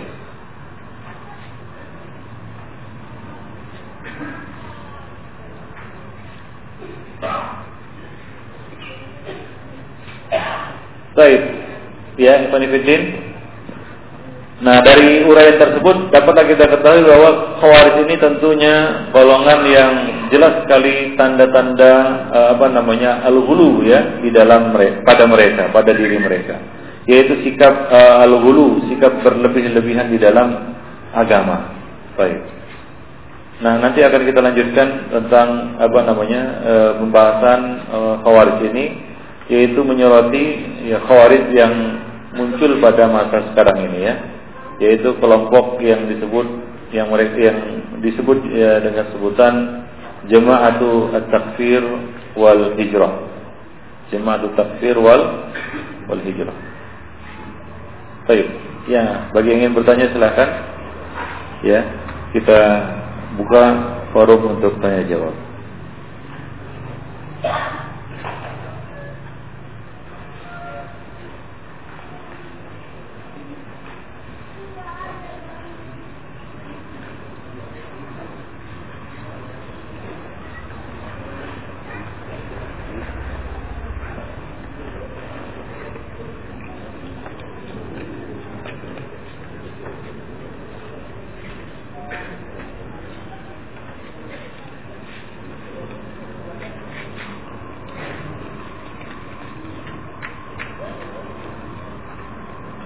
Ada yang bertanya, apakah orang-orang Syiah dan Khawarij mengakui Abdullah bin Sabah sebagai tokoh dan imam mereka? Tidak, mereka justru mengatakan ini adalah uh, tokoh fiktif. Ya, mereka mengklaim adalah tokoh fiktif tidak ada. Tentunya untuk untuk apa namanya? Untuk menutup uh, untuk menghapus jejak mereka. Ya. Dan yang jelas, yang sahih adalah Abdullah bin Sabah itu bukanlah tokoh fiktif itu benar-benar ada. Sosoknya benar-benar ada. Dialah yang berjalan ke sana kemari untuk menghembuskan fitnah di tengah-tengah kaum muslimin hingga akhirnya terbunuhnya Khalifah Ar-Rasyid yang ketiga yaitu Utsman bin Affan. Jadi dia bukan tokoh fiktif seperti yang diklaim oleh orang-orang Syiah. Baik.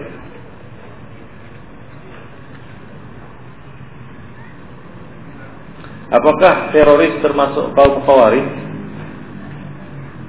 Ada pada mereka ciri-cirinya dan sangat kental. Nanti akan kita kita bahas kelompok jemaat takfir wal wal hijrah. Dan apa kaitannya dengan kelompok-kelompok khawarij sekarang yang ada di tanah air maupun di tempat-tempat lainnya. Kita tahu bahwasanya kemunculan kelompok-kelompok ini tidaklah muncul begitu saja. Tentu ada akarnya dari Timur Tengah kan begitu ya. Baik itu bid'ah, bid'ah yang ada di Indonesia saja itu adalah kiriman istilahnya, impor dari negeri lain. Ya. Demikian juga pemikiran-pemikiran Khawarij ini yang ada di tengah-tengah kaum muslimin di Indonesia itu juga merupakan pemikiran impor dari luar. Ya, datang ke Indonesia melalui buku-buku. Ya, kebanyakannya melalui buku-buku. Eh, kemudian sebagian kecil dari juru dakwah juru dakwah mereka. Tapi kebanyakannya melalui buku-buku. Dari situlah terinspirasi pemuda-pemuda ini untuk meniru meniru gerakan-gerakan tersebut. Nah, salah satu yang menjadi inspirasinya adalah Jemaat Takfir wal Hijrah. Ya, Mustafa Syukri pemimpinnya. Nanti akan kita jelaskan pada pertemuan yang akan datang. Apa saja poin-poin pemikirannya.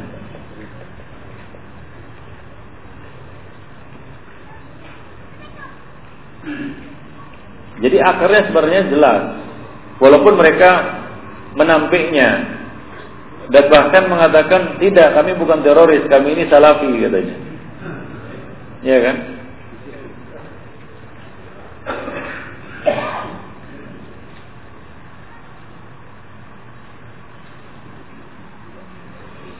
Apakah undian diperbolehkan dalam Islam? Undian apa nih maksudnya? Undian boleh dalam Islam. Asal tidak mengandung unsur judi kan begitu ya. Misalnya mengundi istri. Kalau beristri empat siapa yang berangkat kan diundi. Nabi sendiri mengatakan kalaulah ada nih perlu diundi untuk mendapatkannya maka diundi. Kan begitu ya. Undian ada. Undian apa yang dimaksud di sini? Undian yang mengandung unsur judi tidak boleh. Ya, misalnya kita kumpul-kumpul duit di sini nih ada handphone siapa ini, nah kita undi, ya. Siapa yang kena handphonenya maka ya handphonenya milik dia semua. Nah itu judi, nah, nggak boleh.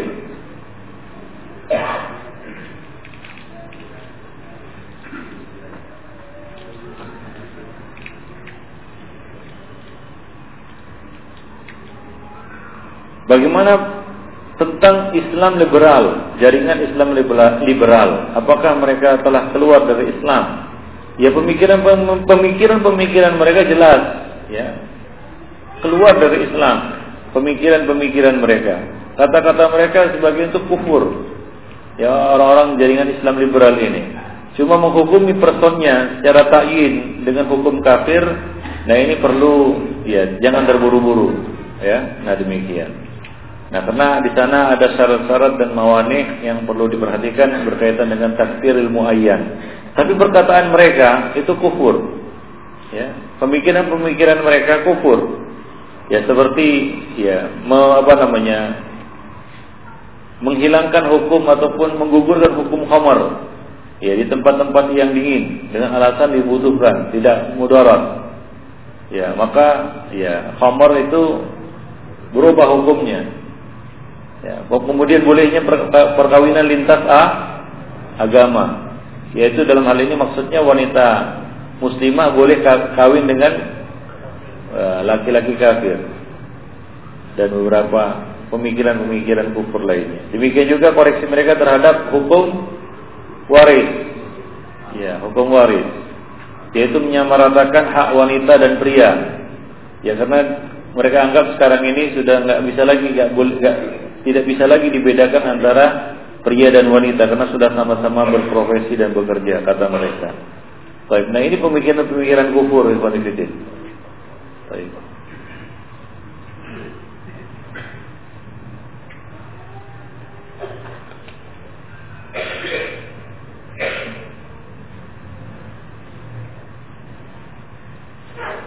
Berapa jumlah malaikat yang memikul aras?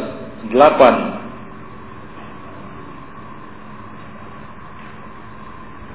Dalilnya apa? Wa yanzilu asya rabbika yawma yadin sama tamania. Delapan, delapan malaikat yang memikul aras.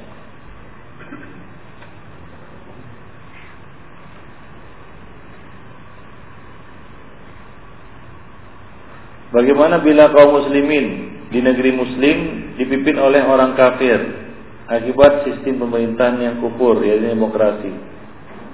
Ya, Nah di dalam hal ini Ikhwanifidin Kalau kaum muslimin mampu menurunkan mereka tanpa menimbulkan fitnah yang lebih besar Ya maka mereka harus menurunkan ini pemimpin Ya Pemimpin kafir ini Tapi kalau mereka tidak mampu, tidak punya kemampuan istitoah untuk menurunkannya dan apabila dilakukan akan menimbulkan kerusakan yang lebih besar, mereka bersabar. Ya, saya tetap dengar dan taat dalam perkara yang ma'ruf.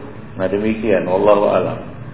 Ya, karena tidak boleh me, mem, memberontak kepada pemimpin yang muslim hingga jelas-jelas ya kekafirannya.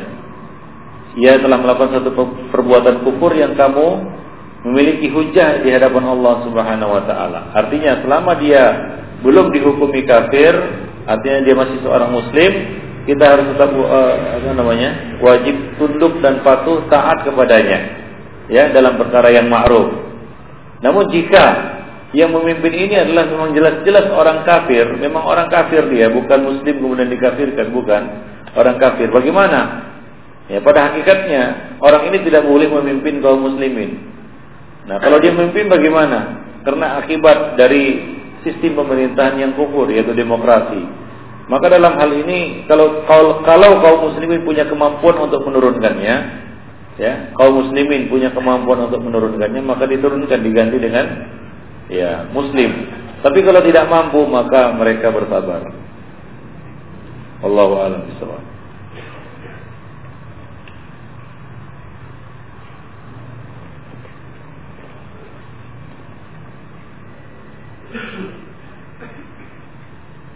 Bagaimana dengan kelompok tasawuf? Apakah mereka bisa dikatakan kafir dengan keyakinan mereka?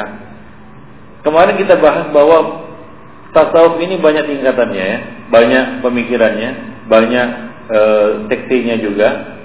Ya, ada yang bisa sampai kepada e, taraf kafir ya seperti yang terjadi pada Ibnu Arabi Al-Hallaj ya dan semisalnya yang dikasihkan oleh para ulama karena keyakinan mereka yaitu uh, wahdatul wujud atau al-hululiyah.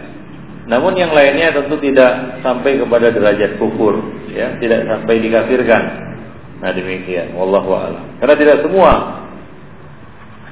kelompok tasawuf ini meyakini wahdatul wujud dan tidak semua juga meyakini al-hululiyah. Ya, nah demikian.